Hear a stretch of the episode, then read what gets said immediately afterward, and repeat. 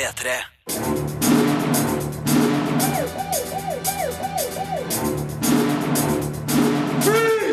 Filmpolitiet! What's your name, dude? Birger Vestmo. What kind of stupid name is that? Verden går under på en veldig morsom måte i This Is The End. Super Mario 3D World er kanskje et av tidenes morsomste spill, og det nærmer seg premiere på Lars von Triers Nymphomaniac. Filmpolitiet har møtt skuespillerne Stellan Skarsgård og Charlotte Gainsbourg i København. Filmpolitiet anmelder film. No, I kept this from the movie. This is the actual revolver. I see. Yeah. Come on, guys! You Careful. No. Jesus! Please put it oh, down. Bang, bang, bang, you're dead. Guys, stop fucking with the gun. How, Jesus? I'm sorry. I'm sorry. I'll just kill myself. No, don't do that, Jesus. Jonas. I know. Jonah, I got it. I'm trying to have some fun, Okay, man. This is great. Jeg veit jeg ikke burde gjøre det, men This Is The End får meg til å gjøre det likevel. Jeg ler. Jeg sitter i kinosalen med et fårete glis, samtidig som jeg har litt dårlig samvittighet fordi jeg faktisk ler av den imbesile humoren i filmen. Den er grov, frekk og ubehøvla, og full av underbuksehumor, som om manuset var skrevet av Beavis og Butthead. Men det er Seth Rogan og Evan Goldberg som står bak, forfatterteamet bak Superbad, og deres lavpanna stoner-humor og sjølironiske filmreferanser treffer meg midt i lattermuskelen. Seth Rogan, spilt av Seth Rogan, får besøk av Jay Baruchel, spilt av Jay Baruchel, i Los Angeles, og tar han med på fest hos James Franco, spilt av James Franco. Der møter de blant annet Jonah Hill, spilt av Jonah Hill, Emma Watson, spilt av Emma Watson, Michael Cera, spilt av Michael Cera, og Rihanna, spilt av Rihanna. Men den ville festen utarter seg i en helt uventa retning, når verden plutselig ser ut til å gå under rundt dem, og vennskapet mellom flere av de her stjernene settes på en alvorlig prøve. Ganske tidlig blir det klart at her er ingen redd for å gjøre narr av seg sjøl. Rogan blir karakterisert som en sell-out. Jonah Hill får gjennomgå for sin Oscar-nominasjon fra Moneyball, mens Michael Cera har det gøy med å fremstå totalt motsatt av hva man kanskje forventer av han. Her er ingen freda, og alle er såre fornøyde med å være fritt vilt for Rogan og Goldbergs bitende humor. Min favoritt er en Hollywood-tøffings eh, litt uventa funksjon i filmen, som skal hemmeligholdes i denne anmeldelsen. Den videre utviklinga i filmen skal heller ikke avsløres, men historien fortelles med en smittsom energi, gjennomført grov humor og forakt for god smak. Komikerne slipper seg løs uten båndlegging av taletøyet, noe som resulterer i flere dialogutvekslinger som Kim Aamodt må ha blitt flau av å oversette. Spesielt én skuespiller, som kommer inn litt senere i filmen, og som jeg derfor ikke skal navngi, får vrengt av seg noen saftige gloser i kjent stil. I have a particularly explosive ejaculate. It just goes everywhere. It's like a fucking wild fireman's hose. She's gonna grab on and pray to God it doesn't get in your eyes or your mouth. This Is The End er ikke for feinschmeckerne. Likte du Amor, er det slett ikke sikkert du vil like den her. Men jeg digger filmen, fordi den drøye humoren appellerer til min indre 13-åring, samtidig som jeg ler av sjølbevisst og sjølkritisk humor, og utallige referanser som taler direkte til filmnerden i meg. Det er ikke alltid at historien følger de tilsynelatende beste veiene mot målet, men This Is The End slutter aldri å være morsom.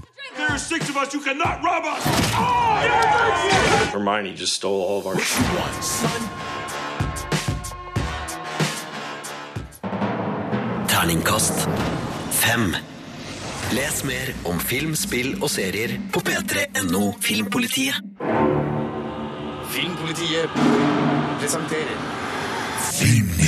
Filmselskapet Universal har utsatt innspillinga av Fast and Furious 7 på ubestemt tid, etter at skuespiller Paul Walker omkom så tragisk i en bilulykke sist lørdag i California. Rundt halvparten av filmen var allerede innspilt da ulykka skjedde i forbindelse med ei frihelg pga. thanksgiving.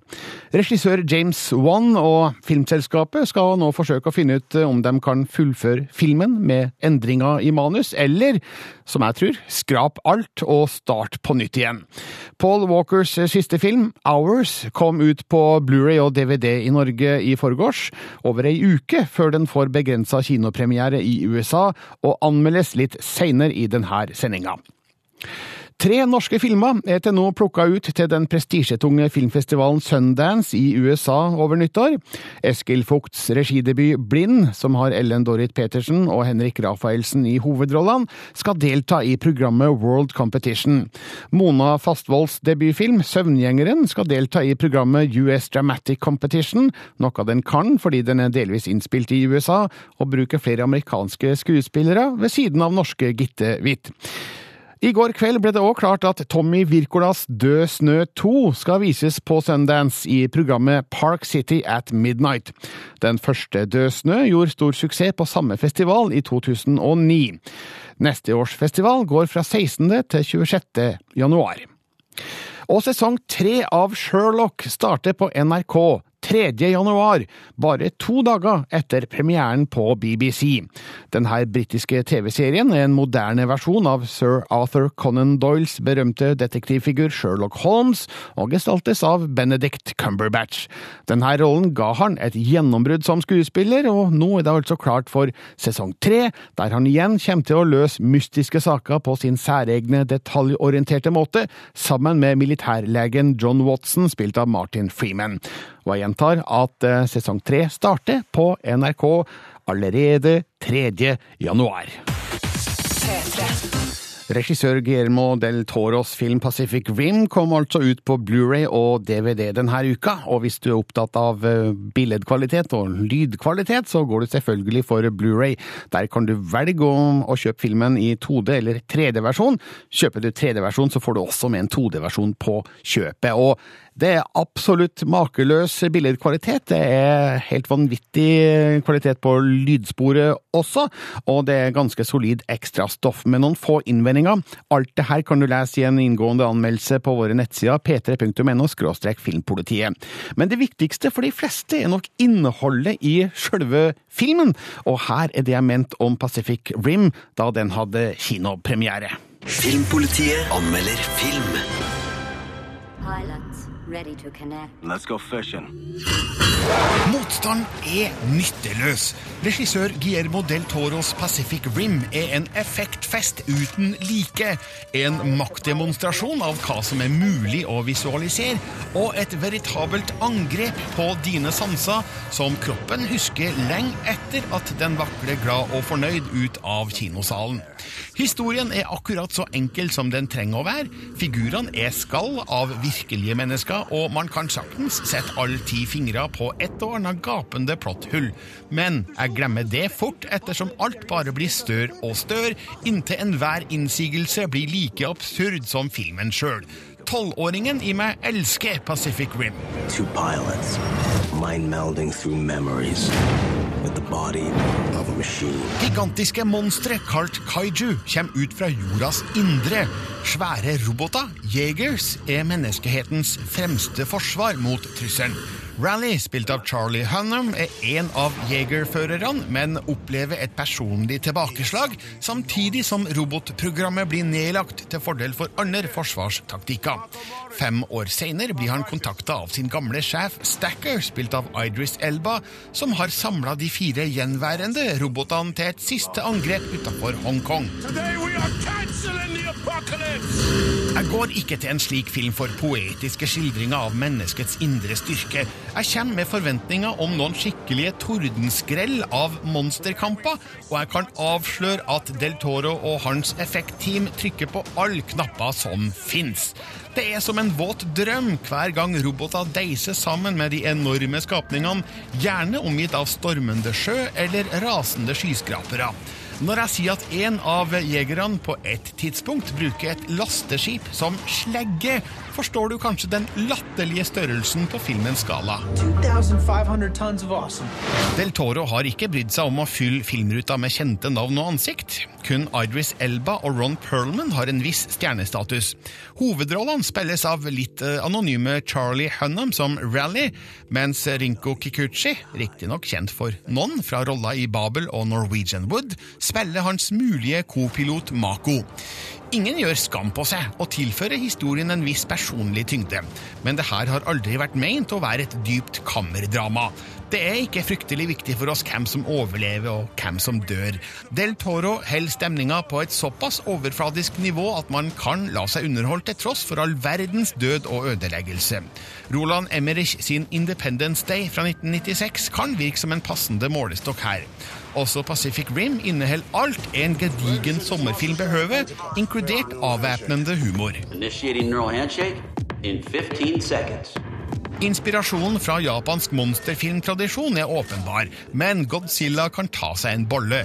Kaijuene i Pacific Rim er ekstremt store og fryktinngytende tøffe. La gå at det kanskje ikke virker som det smarteste trekket å bekjempe dem med roboter.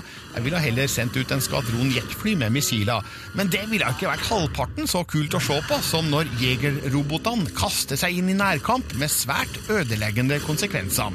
Her er det bare å sette seg ned med en enorm eske med popkorn og la underholdninga begynne. Hvis det var det her Del Toro forlot Hobbiten for, så er det greit. Terningkast fem.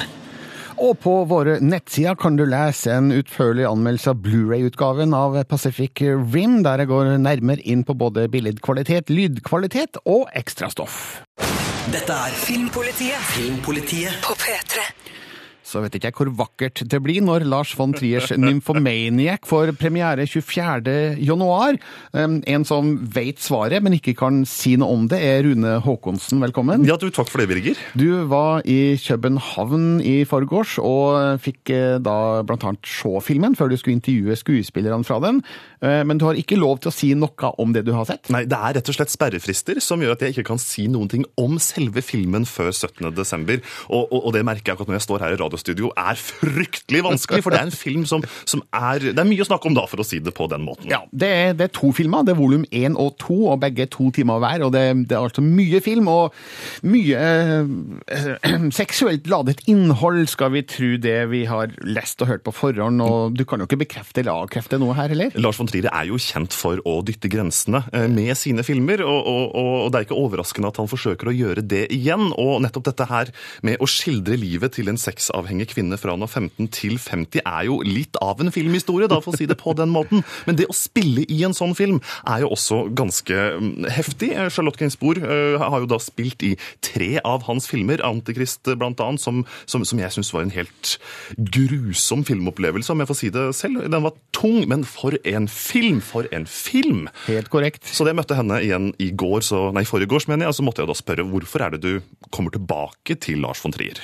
To have that dark side, to have, uh, I find it very rich and very daring also, uh, to be able to go too far. The originality of his characters are something very, that, well, that only he could do, he could write. Happy Christmas, Fido. I, I must admit, I was quite shocked at times seeing the movie. Uh, By what? I'm really curious to know what's shocking. I find this representation is very rare and therefore also very interesting. No, for me it's a, a very specific sexual appetite. Are you willing to go further for him than anyone else? I don't think he'll ask me again, but yes, of course I'd go. I'd work again with him. Charlotte Gainsbourg der altså. Og det som er litt interessant, når jeg satt og prata med henne, så du kunne høre på stemmen hun var veldig rolig, veldig tankefull. Og så Ja. spurte jeg er du villig til å gå lengre for Lars von Trier enn andre. Og så, så sier hun jeg vet ikke om hun vil spørre meg, men, men ja, jeg er jo jeg, jeg vil jobbe med han. Det var akkurat som hun måtte tenke seg litt om. Det, og det, og det, det, det er ganske representativt for, for hele filmen også. Den eh, Ja, nå må jeg passe meg litt for å ikke si for mye her, men eh, som du hører på Charlotte Gainsbourg, det var en tankefull dame med, med veldig mye respekt for hva Lars von Trier eh, har gjort. Du har også møtt Stacey Martin, som spiller den samme rollen i Nymphomaniac som Charlotte Gainsbourg. Hvordan funker det? Altså, Det er jo sånn at vi følger en kvinne fra hun er 15 til 50, og da med hennes seksuelle liv som bakteppe. Eh, Stacey Martin eh, spiller da alderen 15 til 30, mens eh, Charlotte Gainsbourg spiller 30 til 50. Stacey Martin er jo helt fersk, hun har aldri gjort noen filmer før, er en ny det kan si, muse for Lars von Trier. Mm. Jeg måtte jo spørre henne altså, Dette er debutfilmen din omtrent. Hvordan er det da å jobbe med Lars von Trier? Me as an actress, I, I want to explore things that might not be very comfortable, might be difficult. Um, that's what I enjoy the most, is tackling subjects that people might think twice about, might want to talk about. So being presented with the Lars von Trier movie is sort of the perfect opportunity. What if it's nasty? And you just think of the bag of chocolate sweeties. How did you work out in rehearsals these scenes? Uh, Um, did you train a lot? Imagine that training. No, we didn't train. Um, so you do it. You've got all these. Um, this person comes and puts all these little black dots on your body to um, merge the porn double's body and yours, and then they tell you how to lie down because it has to match her position. So you you know you're quite constricted. There's no kind of room for ex- exploring or anything. You just it becomes very mechanical and kind of like being a machine. Stacey Martin der altså, som spiller en av hovedrollene i Lars von Triers Nymphomaniac. Og selv om det er mye sex, så kunne hun da fortelle at de hadde ikke sex selv, men de brukte porno-stand-ins, rett og slett, som tok over når det ble for heftig. Og så brukte Lars von Trier rett og slett eh, digitale spesialeffekter for å smelte sammen kroppene for å få det til å se ekte ut etterpå. Du har også snakka med den eh, store den svenske skuespilleren For en fyr. Stellan Skarsgård, som spiller da en viktig rolle i Nymphomaniac. Og jeg må bare sitere en tweet jeg fant eh, tidligere i uka her, eh, Rune. Okay, okay, okay. Det, er en, det er en som heter Robbie Collin, som uh, sier at han uh, spoke to someone who's seen the four-hour cut of Nymphomaniac. Uh, they were sworn to secrecy, but their eyes visibly bulged when I said Stellan Skarsgård.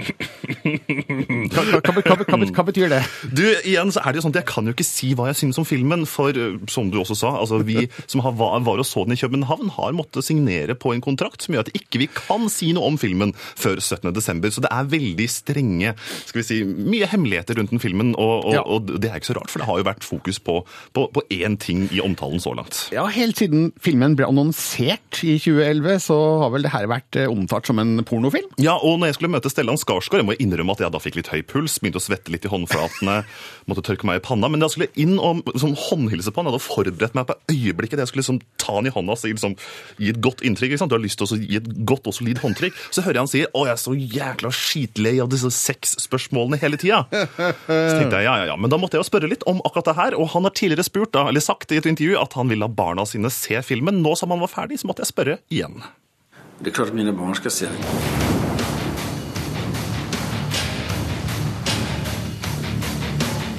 Mig och mina barn, de ser ju mig naken hela tiden och jag ser ju dem nakna hela tiden. Jag byter ju blöjor på dem. Så att för oss är ju inte nakenheten något konstigt och inte sexualiteten heller.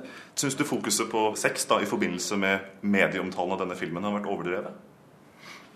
Nej, det är ju lite Lasses fel också eftersom man kallar den för en porrfilm från början. Vilket ju, du har ju sett den, det är ju det ingen porrfilm. Den dug, fungerar ju inte som porrfilm. Det, det, sexualiteten är ju bara en naturlig del av mänskligt beteende. Hvordan har samarbeidet deres endra seg siden du begynte å jobbe med han? Jeg får gjøre hva jeg vil, og så sier han kan du gjøre tvert om også, så gjør jeg tvert om, så ser vi hva som hender. Va? Eh, det vil si at man utforsker scenene mer enn man, enn man uh, verksteller en idé. Va? Man kan jo si at Melankoliet har jo til de formelt sett mer konvensjonelle filmene han har gjort. Og i denne filmen så har, den, har vi til og med åkninger med kamera og sånt der, Som man jo ikke har sett på lenge. Det har vært hand, handhällt i mange år. Handhållet. Eh, så det ändras ju. Men han, varje film han gör är ju, är alltid ny. Det är oftast inte bara ny för honom utan ny för filmhistorien också. Han bryter ju ny grund hela tiden. Och det är ju väldigt kul. Der hørte vi også Stellan Skarsgård som snakka litt om filmen Nymphomaniac. Jeg kan jo rapportere om at møtet gikk heldigvis ganske bra. Min nerv nervøsitet gjorde seg ikke så gjeldende akkurat der. Men som vi hørte helt på slutten her, han har veldig mye respekt for hva von Trier gjør. Og det er liksom kanskje si, hovedgrepet som jeg har rundt mitt møte med skuespilleren. At alle har ekstremt mye respekt for kunstneren von Trier. Og for å si det sånn, da vi får se om dette også gjelder publikumsmottakelsen når eh, Nymphomaniac kommer på kino. Men Lars von Trier sjøl, han gjør ingen intervjuer? Nei, etter noen kontroversielle uttalelser på Cannes-festivalen for noen år siden, så har han gitt seg sjøl et medieforbud, og i København så nekta han å snakke med pressen. Han dukka dog opp for å eh, stille opp på noen bilder, og da vi gikk fra hotellet i sentrum av København bort til brygga der bildene skulle bli tatt, så ble det et entourage plutselig på ja, nesten 100 mennesker og kameraer, og TV-kameraer og mikrofoner sånn. Eh, Og apropos Stellan Skarsgård, for en artig type. Når vi gikk bortover der, så kommer det en litt frekk TV-reporter, stikker en mikrofon opp i ansiktet på Lars von Trier og sier 'Svarer du på spørsmål?' Før da Stellan Skarsgård bare ler hånlig og høyt. Ha-ha-ha! For et tåpelig spørsmål, sier han da. Det blir mer fra intervjuene med Stellan Skarsgård, Charlotte Gainsbourg og Stacey Martin nærmere premieren. Nymphomaniac har altså norgespremiere Når var det altså? 24. januar? 24. januar, ja. Takk, Rune Håkonsen. Bare hyggelig. Den norske filmen Pioner med Aksel Hennie i hovedrollen har kommet ut på Blu-ray og DVD. Og i tillegg til selve filmen så får du en god del minidokumentarer. Du får opptak fra arrangementet Blått lerret og et intervju med regissør Erik Skjoldbjerg og skuespiller Wes Bentley fra filmfestivalen i Toronto. Kjøper du filmen på Blu-ray får du også med seks låter fra Air de som har laga filmmusikken. Og eh, det er vel og bra, det, men for de fleste så er nok sjølve selve filmen det aller viktigste, og derfor skal du få høre min anmeldelse av Pioner fra da den eh, hadde urpremiere under filmfestivalen i Haugesund i august.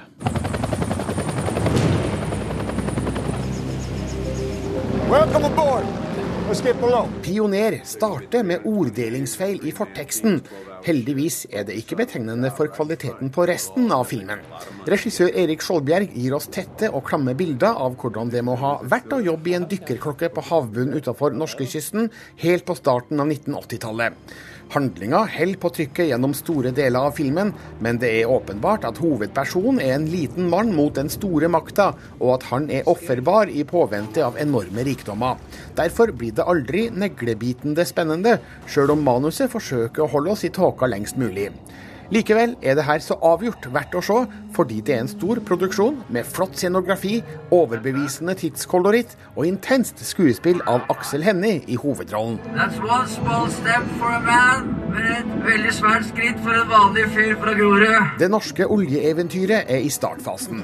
Nordmenn og amerikanere samarbeider om å dykke dypere enn noen har gjort før dem, for å forberede legging av en gassledning. Men Petter, spilt av Aksel Hennie, opplever en tragisk ulykke under et avgjørende forsøksdykk. Når han etterpå forsøker å finne ut hva som egentlig skjedde, opplever han at både myndighetene og hans kolleger forsøker å røyklegge saken. Det store spørsmålet er hvorfor. Svaret er kanskje innlysende. Olje- og gasseventyret er for viktig til å stoppes av en ulykke. Det skjønner ikke Petter, men det forstår vi. Derfor er ikke motivasjon et særlig spenningsmoment. Men akkurat hvordan ulykken kunne skje, er et mysterium som Skjoldbjerg nøster opp på dyktig vis. Den ene avsløringa fører oss over på den andre. Ikke alltid like spennende, men underholdende nok. Og sjøl om det store eureka-øyeblikket ikke har den store slagkrafta, er historien interessant nok til at filmen lever. Jeg skal vel for faen ikke dykke nå. Det må du. Oljedirektoratet forlanger en norskdykkende. Du er den eneste som har vært igjennom hele programmet. En viktig årsak til at Pioner fenger, er Aksel Hennies gode spill. Petters sorg, sinne, pågåenhet og vilje til å komme til bunns i saken er enkel å spore i hennes stemmebruk, kroppsspråk og mimikk. Han er publikums øyne i historien, lett å forstå og sympatisere med. Og vi vet at han dessverre har ekstra gode forutsetninger til å vite hva hovedpersonen opplever i forbindelse med ulykken. Flere av de andre figurene blir etter min mening litt for unyanserte og firkanta.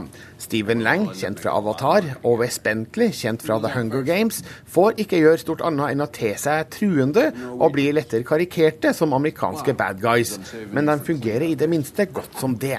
Jørgen Langhelle, Ane Dahl Torp, Endre Hellestveit og Eirik Stube er òg flinke og gjør gode figurer, sjøl om de ikke har albuerom til å utfylle rollene sine. De er ubestemmelige personer man ikke helt vet hvor man har, men det er jo òg med på å holde spenningskurven oppe.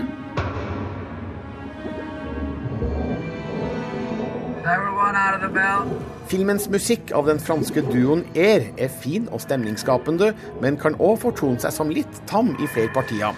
Jallo Fabers foto derimot er glimrende i all sin styggvakre post 70-tallske fargepalett.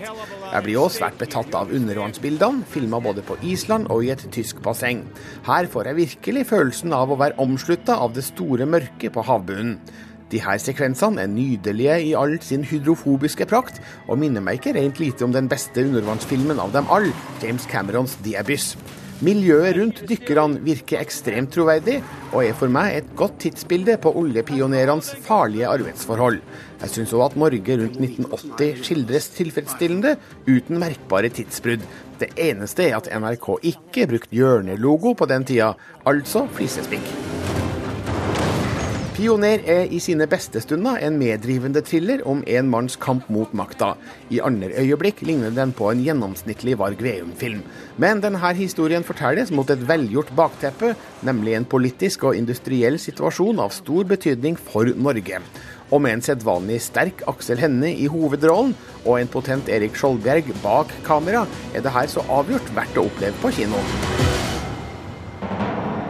Terningkast fire. Det var verdt å oppleve den på kino. Nå er Pioner verdt å oppleve på Blu-ray eller DVD. Filmpolitiet presenterer Denne uka ble premieredatoen for sesong to av House of Cards endelig kjent. 14. februar slippes godsakene på Netflix, og da legges altså hele sesongen ut, slik Netflix pleier å gjøre med de fleste av sine egne serier. Sesong én ble en kjempesuksess, med Kevin Spacey i hovedrollen som Washington-ringrev Francis Underwood. I slutten av sesong én en liten spoiler-alert her, altså. I slutten av sesong én så vi hvordan kongressmann Underwood fikk tilbud om å bli visepresident. I sesong to får vi kanskje se om alt grumset han har i sitt kjølvann, innhenter han. Meldinga om Nelson Mandelas død nådde hans døtre mens de så en film om han, melder nrk.no. De var i London for å overvære premieren av Mandela Veien til frihet, der Idris Elba spiller hovedrollen. Filmen følger Mandela fra barndommen til han blir president i Sør-Afrika. Mandela døde bare ti minutter før visninga starta, skal vi tro sørafrikanske medier, og etter premieren måtte produsenten gå på scenen og annonsere dødsfallet til et sjokkert publikum. Mandela Veien til frihet får norgespremiere 17. januar. Den neste X-Men-filmen, Days of Future Past, kommer 23. mai neste år, men 20th Century Fox jobber allerede med den neste. X-Men Apocalypse blir tittelen, og den skal komme 27. mai 2016.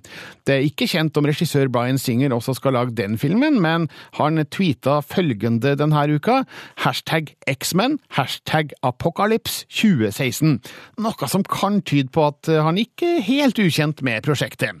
Tittelen kan òg indikere at Marvel-skurken Apocalypse har en viktig rolle. Han er en udødelig mutant som opptrer i minst én historie om tidsreisa, som òg er et tema i den kommende X-Men Days of Future Past. Så nei da, vi blir ikke kvitt superhelta med det første på kino, og øh, takk for det. Filmpolitiet anmelder film. Tell me she's fine! I swear to God, you better tell me she's fine right now. Tilfeldighetene ville det slik at Paul Walkers siste film, Hours, fikk Blu-ray og DVD-premiere i Norge bare fire dager etter hans tragiske død i en bilulykke i California, og ni dager før den får kinopremiere i USA. Dette er en liten lavbudsjettsfilm der Walker får testa sine egenskaper som skuespiller på en langt tøffere måte enn Fast and Furious-filmene han er kjent for. Ikke alt ved filmen holder like høy kvalitet, men regissør Eric Heiserer lykkes i å skape et eget lite univers, der Paul Walkers hovedfigur må kjempe mot klokka og andre utfordringer i kjølvannet av orkanen Katrina. This wasn't supposed to happen. BP is spiking. Oh, God, I'm in pain. Is your wife due soon? Not for another five weeks. You're gonna be okay. Filmen begynner med at Nolan, spilt av Paul Walker, kommer til et lite sykehus i New Orleans med sin gravide kone Abigail, spilt av Genesis Rodriguez, som må føde før tida. Hun dør, men ikke før hun har født ei jente som blir lagt direkte i en kuvøse. Her må hun oppholde seg i ca. 48 timer for å ha en sjanse til å overleve. Men Katrina ruller over byen, tar strømmen og tømmer sykehuset for folk. Nå må Nolan kjempe for å holde kuvøsa i gang, samtidig som flere utfordringer melder seg. How's Abigail doing? I'm really sorry. She expired at 7 this morning. Not happy. Told me she's fine. Det er en interessant problemstilling som gir grunnlag for mye spenning. Dessverre utnyttes ikke det her fullt ut av manuset, som gjerne kunne ha skrudd til spenninga enda noen hakk i flere sekvenser. Det handler ofte om kampen mot klokka, fordi Nolan er nødt til å lade kuvøsebatteriet med en håndlader med jevne mellomrom. Det her skaper noen nervøse situasjoner, men det blir mye frem og tilbake gjennom sykehusets korridorer, noe som etter hvert føles litt repeterende. En annen ting jeg ikke liker så godt, er de stadige tilbakeblikkene på hvordan Nolan og Abigail møttes, og hvordan forholdet utvikler seg. De her scenene er kanskje søte, men sakker historien uten å tilføre den nødvendig innhold. Hey, we got a bad battery in here. Nurse? Somebody, please? Paul Walker spiller godt i rollen som sørgende ektemann som samtidig må være kald og beregnende i en livstruende situasjon. Han viser at han er fullt kapabel til å formidle følelsesmessige konflikter i en figur. Jeg liker derimot ikke hvor nonchalant filmen kaster ut dødsbudskapet om kona, og hvor lite tid Nolan bruker på å prosessere det. Det er omtrent som han skulle få beskjed om at katta hans er død. Men det er mer manusets skyld enn Paul Walkers. I'm at St. Mary's Hospital. I got a baby I need to rescue. Stay calm. This message. What? Hey! My hand! Come back! Utover i filmen får jeg en stadig sterkere følelse av figurens isolasjon og desperasjon. Det forlatte sykehuset virker som en spøkelsesaktig arena, der Nolan må kjempe for å holde seg våken og for å holde dattera i live. Avslutninga røpes ikke her, men den er en effektiv utladning av spenninga som har bygga seg opp. Hours er kanskje ikke en av årets toppfilmer, men sett i lys av Paul Walkers altfor tidlige død, er det likevel sterkt å se han kjempe for livet på film.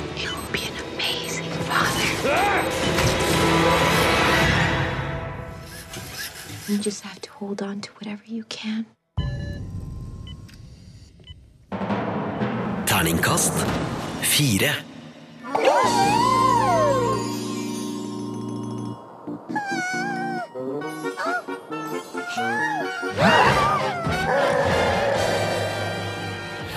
Rune Haakonsen, Hallo! hva hører vi her? Du, det her er jo kanskje litt kjente lyder, for det er nemlig Mario og vennene som igjen må ut på eventyr når noen små, søte lille feer blir kidnappet av den onde Bowser i Super Mario 3D World. Og dette må jo være et av årets beste spill, siden du har trilla terningkast seks til det. Ja, og det er jo sånn at uh, terningkast 6 henger veldig høyt oppe, så det er faktisk bare det tredje spillet så langt i år som henter den jeg skal si, gjeve utmerkelsen fra min side. Og det fortjener spillet, for Nintendo viser nok en gang hvorfor de er en av de aller beste i hele verden til å lage trivelige spillopplevelser. Ja, Men det her må jo være det 403. Mario-spillet som er produsert. altså, Har de greid å lage noe her som føles nytt? Altså, Det første Mario-spillet er jo nå snart 30 år gammelt allerede, og svaret er ja! De har klart det. De bygger på det solide fundamentet som vi har lært oss å kjenne over de siste årene, med um, Mario som hopper rundt på brettet i en 3D-verden, må samle inn power-ups og mynter og komme til slutten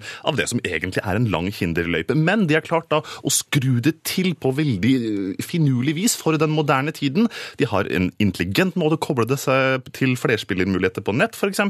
Men aller mest så kan du få nye små power-ups, f.eks. en kattedrakt av 90 Super Mario 3D, 3D World, som fungerer veldig godt. Og så er det alle disse småtingene. Så Tenk deg nå at du har det gamle Mario-spillet du vokste opp med, og så tar du og plasserer det i 2013, og det er like bra, men de har klart å tilpasse det vår moderne tid, og det gjør det til en utrolig morsom spillopplevelse for store og små. Ja, Det høres ut som en julegaveinnertier, det der, men, men da må man ha Wii U-konsoll. Ja, for det er jo bare gitt ut til Wii U-konsollen. Og det er jo interessant, fordi at Wii U-konsollen har jo lenge, eh, siden da den kom for ett år siden, hatt problemer med å vise at den har gode nok spill, og har jo solgt Beklager at jeg nesten sier ordet, men det har solgt helt ræva.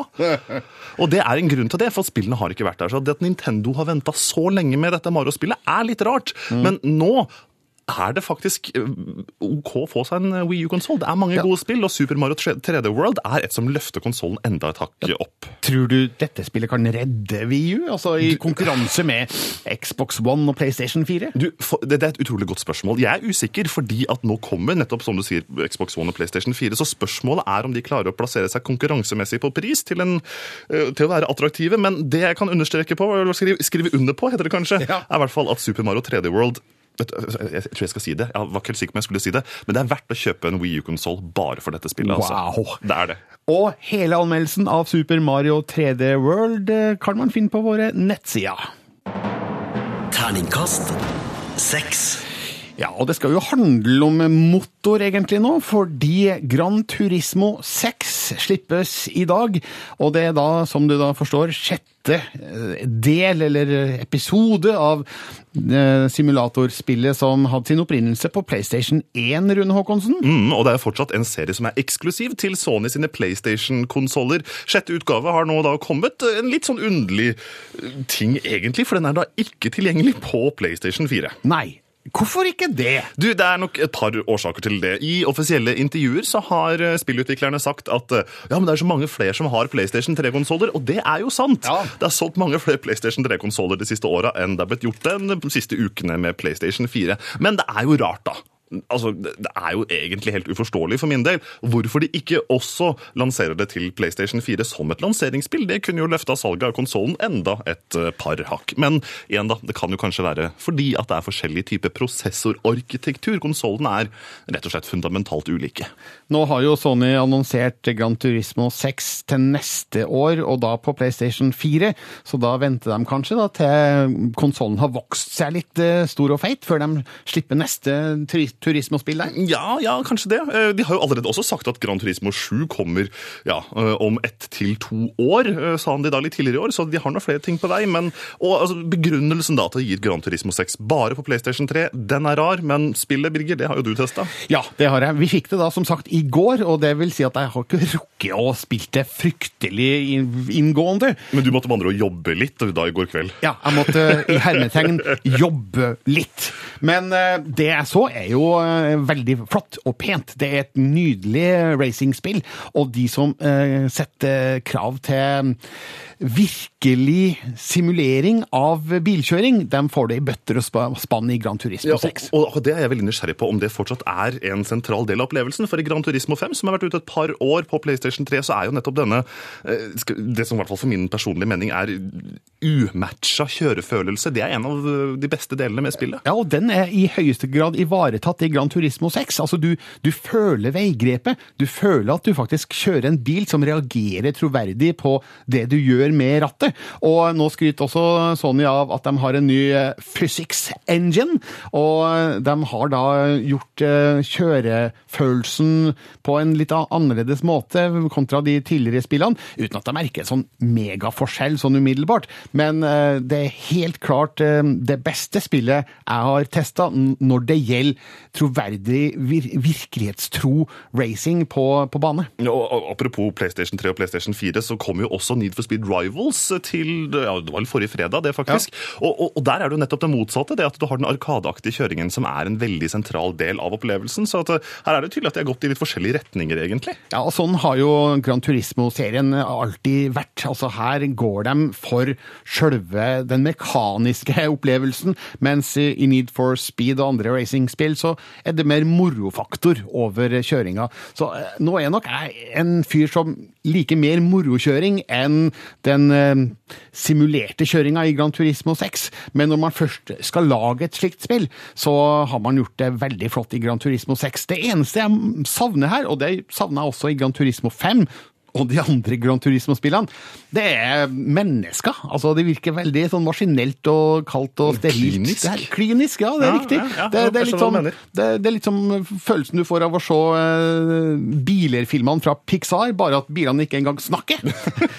så, sånn sett så hadde jeg vært interessant å innføre et litt mer menneskelig element i Gran Turismo-serien, men det hadde kanskje kommet i veien for uh, selve simuleringsopplevelsen her. Du må huske at dette er et japansk spill, og der er de jo veldig formelle og stramme, så hvis de hadde vært, vært mennesker her, så kanskje de, de hadde blitt litt nervøse. Ja, det skjer altså på uh, de folka man faktisk ser rundt omkring i dette spillet, altså langs banene og sånt, de står veldig opp og ned. Og uh, her har man ikke lagt mye arbeid i å skape en, en sånn menneskelig prega atmosfære. Men eh, min lille test av Gran Turismo 6 tyder på at vi har med et ypperlig simuleringsspill å gjøre, med mange muligheter når det gjelder kjøp av biler, valg av baner, og, og ikke minst også da eh, setup av bilene du kjører. Hvis du er glad i sånt, så kan du gjøre veldig mye forskjellig rart i dette spillet. Så vi får komme tilbake med en nærmere anmeldelse når vi har spilt litt, men Gran Turismo 6 har altså release i dag, og da kan du kjøre til du blir gul og blå i tommelfingrene dine, helt til det går slik.